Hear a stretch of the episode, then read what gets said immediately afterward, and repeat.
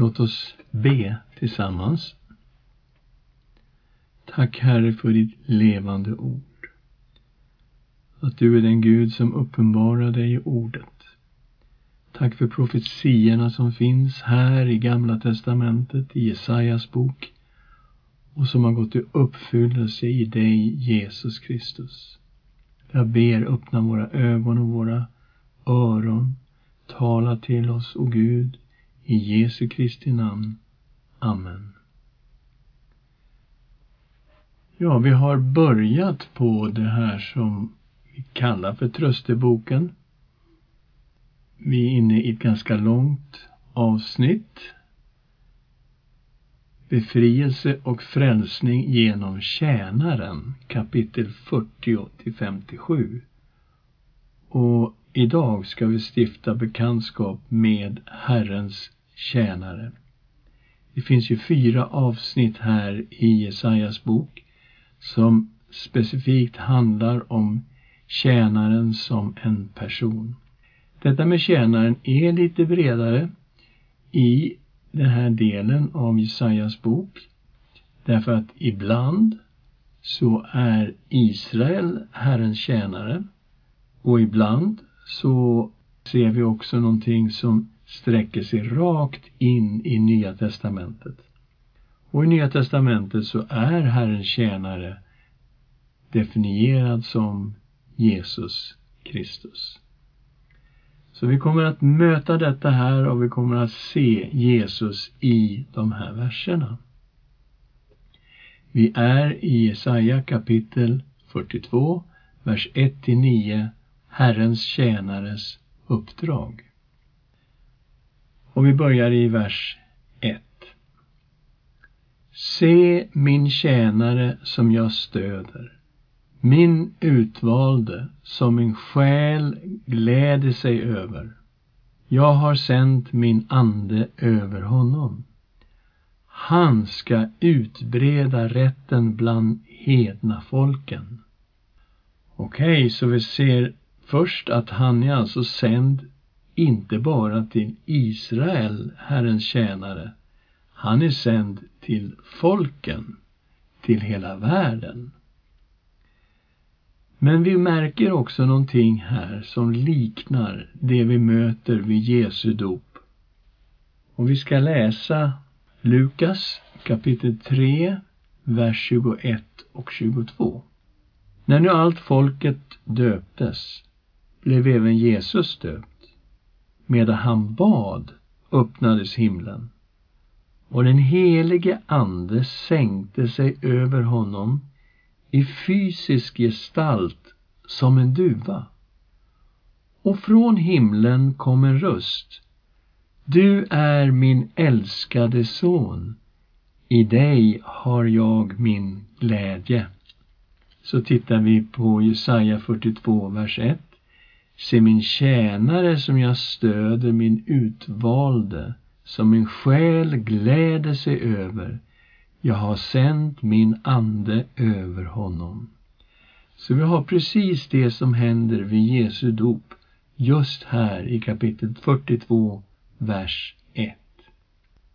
Guds ande som kommer över tjänaren och Gud som säger min utvalde som min själ gläder sig över. Och i Lukas hade vi du är min älskade son, i dig har jag min glädje. Vi läser vidare. Den här tjänaren kommer att vara väldigt kraftfull, men samtidigt oerhört varsam. Vers 2. Han ska inte skria eller ropa och inte låta sin röst höras på gatorna. Ett brutet strå ska han inte krossa en tynande veke ska han inte släcka. Han ska i trofasthet utbreda rätten. Han ska inte försvagas eller brytas ner förrän han har grundat rätten på jorden. Havsländerna väntar på hans undervisning. Återigen, vi ser att han är sänd till hela världen vi ser också att han är så kraftfull Han ska inte försvagas eller brytas ner förrän han har grundat rätten på jorden. Men han är ju så varsam samtidigt. Ett brutet strå ska han inte krossa. En tynande veke ska han inte släcka.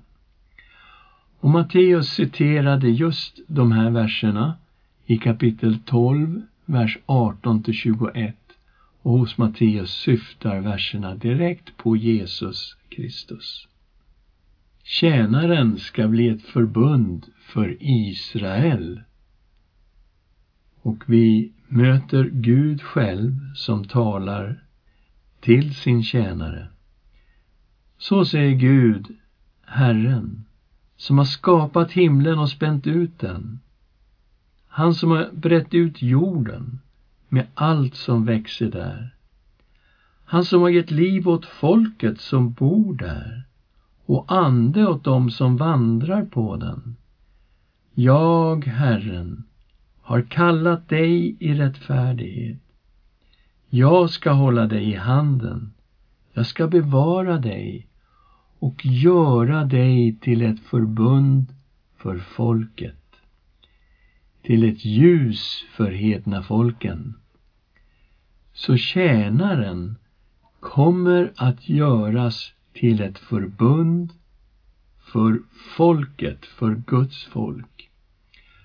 Och det här börjar vi nu kunna koppla in med vad vi har i Gamla testamentet av det nya förbundet. Det kommer mer om detta med att han ska vara ett förbund för folket. Men vi har ju också Jeremias profetia. Jeremia kapitel 31, vers 31. Se dagar ska komma, säger Herren, jag sluter ett nytt förbund med Israels hus och med Judahus. Inte som förbundet jag slöt med deras fäder på den dag jag tog deras hand och förde dem ut ur Egyptens land. Förbundet med mig som de bröt, fastän jag var deras rätte herre, säger Herren. Nej, detta är förbundet som jag efter denna tid ska sluta med Israels hus, säger Herren. Jag ska lägga min lag i deras inre och skriva den i deras hjärtan. Jag ska vara deras Gud och det ska vara mitt folk. Då ska de inte mer behöva undervisa varandra. Ingen sin broder och säga lär känna Herren. Alla ska känna mig. Från det minste av dem till den störste, säger Herren. För jag ska förlåta deras missgärningar och aldrig mer minnas deras synder. Så här handlar det om ett nytt förbund. Och det är några mycket speciella saker som kännetecknar det här nya förbundet. Lagen som var ingraverad på stentavlor, de tio budorden, den kommer nu att skrivas på människornas hjärtan. Och när vi kommer till Nya testamentet så förstår vi att det här är en direkt koppling till den helige Ande som bor i varje troende. Alla i det nya förbundet ska känna Gud. Och när en person har tagit emot Jesus Kristus som sin Herre och Frälsare har han blivit född på nytt i den helige Ande och blivit ett Guds barn och fått en personlig gemenskap med Gud genom Jesus Kristus. Det är inte så att vi känner Gud till fullo. Det kommer vi aldrig göra. Vi är begränsade varelser. Men Gud är obegränsad, han är oändlig. Däremot känner vi Gud sannerligen, vi känner honom på ett sant sätt. Och det här gäller den minste till den störste. Det spelar ingen roll om du var troende i 50 år eller du kom till tro för en vecka sedan. Du har en personlig gemenskap med Gud genom Jesus Kristus. Och Gud säger, han ska förlåta alla våra synder och till och med glömma bort dem. Så fullständig är Guds förlåtelse. Och här läste vi i kapitel 42, vers 6 att Gud säger till tjänaren Jag ska göra dig till ett förbund för folket. Och när Jesus instiftade nattvarden så läser jag om detta i Markus kapitel 14, vers 22 till 24. Medan de åt tog Jesus ett bröd, tackade Gud, bröt det och gav åt dem och sa Ta detta, det är min kropp. Och han tog en bägare, tackade Gud och gav åt dem och de drack alla ur den. Och han sa till dem Detta är mitt blod, förbundsblodet som blir utgjutet för många. Så han kallade sitt eget blod för ett förbundsblod. Och i gamla tider, när man skulle ingå ett förbund, så offrades ett förbundsoffer. Och det betydde nu att villkoren i förbundet gällde. Och det här är det nya förbundet som har kommit genom Jesus Kristus, som vi just har läst om i Jeremia kapitel 31. Det här förbundet gäller i och med Jesu Kristi offer, hans död och hans uppståndelse. Men vi läste här också att tjänaren har ett uppdrag till alla folk. Redan i första versen han ska utbreda rätten bland hedna folken. Och här i sjätte versen läste vi att han ska vara ett ljus för hedna folken. Och det här kommer igen lite senare om Herrens tjänare att han är ett ljus för folken. Vers 7. För du ska öppna blinda ögon och föra fångar ut ur fängelset, ur fångenskapen, dem som sitter i mörker.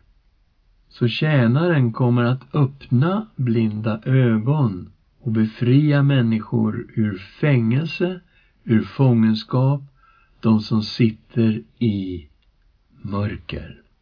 Och det här ger ett genklang till de tidigare messianska profetiorna som vi har tittat på här i Jesajas bok.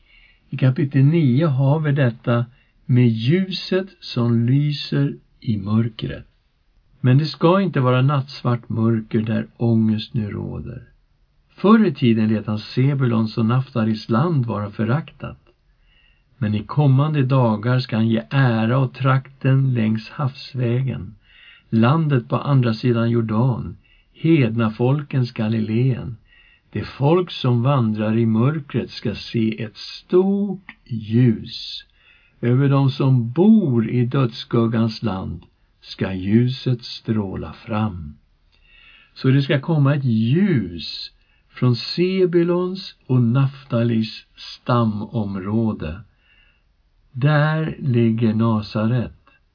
Där ligger också Kapernaum och Betsaida och städerna där Jesus trädde fram och började sin offentliga verksamhet, den norra delen av den galileiska sjön. Och det här är ju inte vilken person som helst som är det här ljuset. Vers 6. För ett barn blir oss fött. En son blir oss given. På hans axlar vilar herradömet. Okej, det här är en kung som ska födas. Hans namn är Under, Rådgivare, Mäktig Gud, Evig Far, Fridsförste. Så ska herradömet bli stort och friden utan slut över Davids tron och hans rike.